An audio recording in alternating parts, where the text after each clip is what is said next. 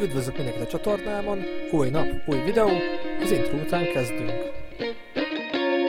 Szép napot kívánok, Enikő, üdvözöllek a műsorban. Szia Attila, üdvözlök én is mindenkit. Újból egy borszakértővel beszélünk. Ez egy téma, amit azért lehet bőven vesézni. Neked hogy jön a bor szeretet, a borhoz való viszonyod?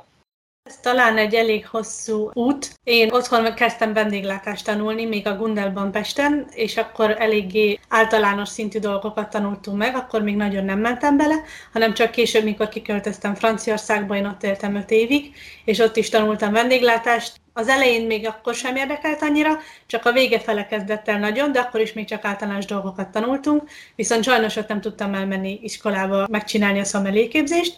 Viszont mikor kikerültem Londonba, ott már volt rá elég időm, energiám, lehetőségem, hogy elkezdjem. Ott igazából két év alatt én egy egész szép tanfolyam túrát tudtam megcsinálni, hogy úgy mondjam.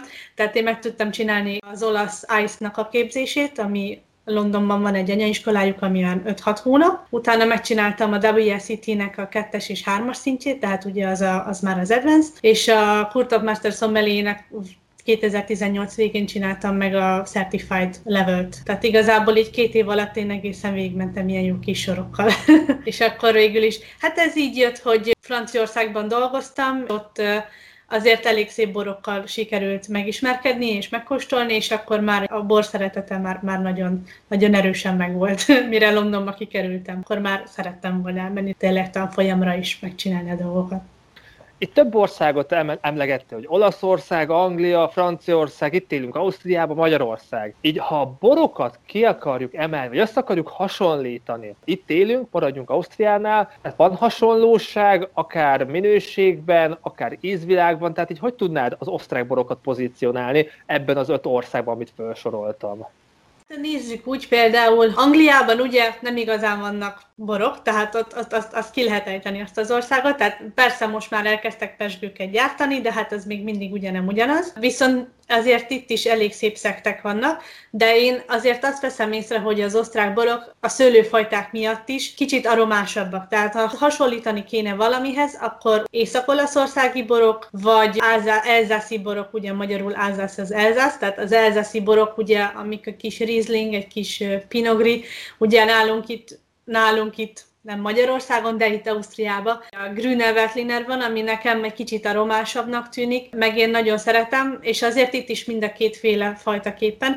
Tehát van, amikor ugye a lájtosabb, könnyedebb fajtát csinálják, ami, ami inkább ez az elzászi fajta, de például én kóstoltam olyat is, és én nagyon szeretem, ami például egy kicsit hordósabb érlelés, kicsit komolyabb, ami inkább viszont meg már nekem Burgundiát is idézi. Tehát én a Franciaországgal kötném úgy össze, meg hát ugye Magyarországon is ugye az aromás borok, meg hát ott van a zöldveltelini is egyébként ugye nagyon közkedvelt, Úgyhogy igazából én ezt, ezekkel tenném így össze a dolgot. Hogyha a zöldveltelinit nézzük, ha a vörös borokat nézzük, akkor kimondottan ugye a magyar-osztrák borok, meg ugye ezzel a Zweigeltel, magával a kékfrankossal, tehát az inkább ugye a magyar megfelelője a dolgoknak. Azért ez kicsit más, mint ami ugye azért Olaszországban, meg, meg Franciaországban van.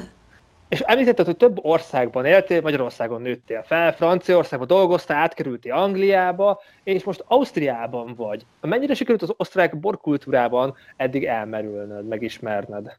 Nekem ez itt most egy kicsit ilyen fura szituáció. Tavaly decemberben jöttem, akkor még uh, síszezonba, tehát én fönn voltam Foralberbe síszezonba, és az egész korona hajcihő miatt nekünk le kellett költözni Bécsbe. De igen, most mindenki erről beszél, de hát sajnos nekünk is most ez volt a fő dolog, és igazából innentől kezdve, mivel hogy ez az egész elkezdődött, nem igazán tudtam elmenni sehova, hanem itthon ültem, tehát kvázi március óta én itt ülök a lakásban, és nem igazán tudok menni sem erre, de már előtte szerencsére ezért elég sok osztrák bort sikerült megkóstolni, sőt, ugye fönt Foralberbe is ugye azokat árultuk, tehát azért ott is azokkal dolgoztunk, tehát ott is sikerült egy néhányat megkóstolni, meg én Londonban is azért elég sokat kóstoltam szerencsére osztrák borokat. Maga itt a kultúrát Ausztriában még nem igazán, de magát a borokat Londonban is fönt a hegyen azért nagyjából igen. De többnyire Londonban, ugye, mert azért fönt a hegyen is csak pár hónapot töltöttem Londonban, meg két és fél évet, és azért nagyon sok lehetőség volt ott. Külön említetted magát a bort megismerni, meg a bor kultúrát. Itt pontosan miért gondoltál?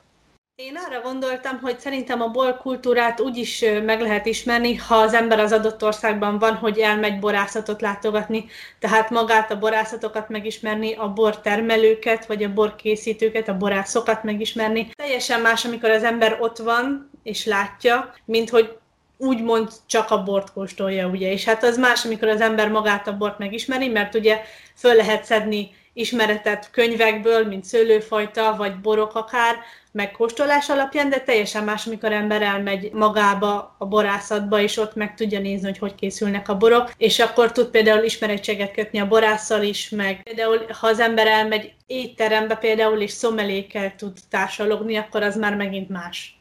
Én szerintem lehet, hogy ezt a bejegyzésedet látta a Facebookon, mert valamilyen programot hirdettél, és tervezel esetleg ilyen programokat is, hogy konkrétan megismertél egy nagyon finom bort, meg is látogattad bortermelőket, és akkor velük annyira jó kapcsolatban lehet, hogy oda akár egy kisebb túrát, egy gazdaságnak a bemutatását is akár leszervezed? Ilyen tervek is vannak? Minden lehetséges igazából, úgyhogy miért ne? Tehát amire én próbálom fókuszálni a dolgokat, az igazából az, hogy tényleg megismertetni az emberekkel magát az egész borkultúrát, vagy a borvilágot. Ez az, amit lehet látni nekem is például az Instagramomon is, a Facebookon is, de főleg az oldalamon, hogy próbálok írni olyan dolgokról, ami érdekes lehet a borokkal kapcsolatban, és ha ezt meg tudom csinálni élőben, mondjuk Bécsben és Bécs környékén, hogy az emberek például leszeretnének ülni egy borkóstolóra, nem muszáj ezt egy borbárban, azt lehet otthon is, a családi körben vagy baráti társaságban, és ha szeretnék, akkor össze lehet válogatni egy ilyen borcsomagot, 2, 3, 4, 5, 6 borból, és akkor tényleg rendesen megkóstolni őket, megtudni róluk, amit érdemes tudni, és ez lehet osztrák bor, ez lehet ugye olasz bor, ez lehet francia bor, de szerintem sokkal másabb, amikor az ember így élőben egy kicsit interaktívabban meg tudja ezt, ezt tenni, mint otthon saját maga egyedül. Ez teljesen más. És ezt ki lehet persze vetíteni, a borászatokra is elmenni egy-két, tehát hogy akkor ugye nem egy borászatot látogatni, hanem mondjuk kettő-három borászatot látogatni egy régióban, mondjuk egy, egy, egy nap alatt. És akkor ugyanúgy megkóstolni, és akkor sokkal jobban lehet látni például, hogy, hogy két szőlőültetvény, ami egymás mellett van ennyire, de hogy mennyire más borokat adnak, már csak azért is, mert máshogy éri őket a napfény, és már csak azért is, mert két külön borász dolgozik a, magával a szőlővel. Ez egy nagyon izgalmas lehetőség, és remélem sikerül ebből valamiféle programokat, programsorozatot csinálni. Milyen ötleteid vannak még így a bor, szeretet a bor kultúrának a megismertetésével? Amit még ugye mostanában emiatt a social distancing miatt is egész egyszerűen lehet, az például Zoomon vagy Skype-on maga a tanulás. Tehát, hogyha valaki most neki szeretne állni mondjuk a borokról tanulni, most nagyon sok helyen elindították ugye az online kurzusokat, tehát az ember nem tud ott lenni a tanteremben és kérdezni a tanártól, vagyis hát tud kérdezni a tanártól Zoomon is, de hát szerintem az azért nem ugyanolyan le tud ülni, és akkor otthon tudja tanulni, de emellett például, ha segítségre van szüksége, vagy több gyakorlásra van szüksége, akkor velem ugyanúgy fel tudja venni a kapcsolatot, hogyha olyan szintű mondjuk tanfolyamra készül, vagy vizsgára készül, hogy ne az legyen, hogy esetleg nem megy át a vizsgán, és akkor újra ki kell fizetni a vizsgadíjat, ami azért nem megy két forint. Szerintem ez még egy, egy másik dolog itt. A borkultúra mellett ugye maga a tanulási folyamat tanulás segítő programjaim, ezek még mindig élnek augusztus végéig, ahogy én ezt az Instagramon és a Facebook sztorimon is elmondtam, és ahogy említettem, ez mivel, hogy már csak augusztus végéig él ebben a pillanatban, ezért 25% kedvezményt adok igazából ezekre a dolgokra. Minden csomagra.